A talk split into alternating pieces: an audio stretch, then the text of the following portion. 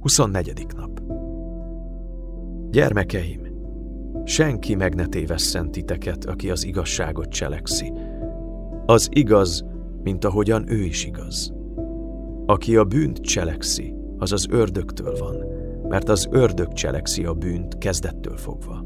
Azért jelent meg az Isten fia, hogy az ördög munkáit lerontsa.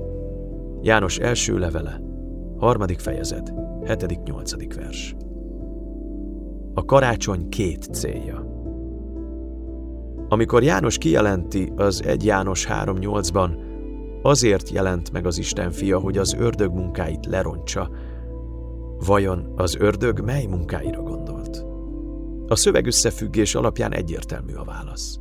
Először is az 1 János 3.5 nyilvánvaló párhuzamot tartalmaz.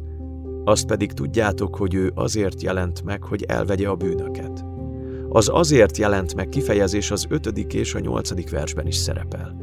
Ezért az ördög munkái, melyeket Jézus lerontani jött, minden valószínűség szerint a bűnöket jelentik. A nyolcadik vers első fele gyakorlatilag bizonyossá teszi ezt. Aki a bűnt cselekszi, az az ördögtől van, mert az ördög cselekszi a bűnt kezdettől fogva. Ebben az összefüggésben a bűnről van szó, nem a betegségről, az összetört autókról vagy a felborult tervekről. Jézus azért jött a világba, hogy lehetővé tegye számunkra a vétkekkel való felhagyást. Még világosabban látjuk ezt, ha összevetjük ezt az igazságot az 1 János 2.1 igazságával.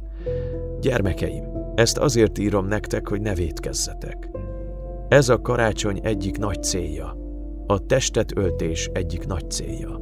1 János 3.8 Azonban János az 1 János 2.1.2-ben kiegészíti ezt egy másik céllal. Ha pedig vétkezik valaki, van pártfogónk az atyánál, az igaz Jézus Krisztus, mert ő engesztelő áldozata mi bűneinkért, de nem csak a miénkért, hanem az egész világ bűnéért is. Figyeljük meg, mit jelent ez. Jézus két okból jelent meg a világban. Azért jött, hogy abba hagyhassuk a bűnös cselekedeteket, vagyis azért jött, hogy lerontsa az ördög munkáit. 1 János 3.8.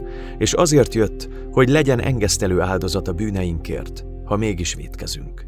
Azért jött, hogy helyettes áldozat legyen, amely elveszi Isten bűneink miatti haragját.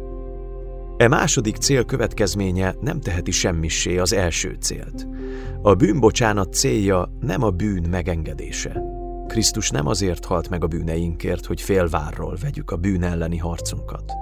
A karácsonye két céljának inkább az a következménye, hogy az összes bűnünkért egyszer megfizetett ár azt a szabadságot és hatalmat hozta el számunkra, amely lehetővé teszi, hogy ne törvényeskedőkként küzdjünk a bűnnel, arra igyekezve, hogy kiérdemeljük az üdvösségünket, és ne is az üdvösségük elveszítésétől félő emberekként, hanem győztesekként, bizakodva és örömmel belevetve magunkat a bűn elleni harcba, akkor is, ha az életünkbe kerül.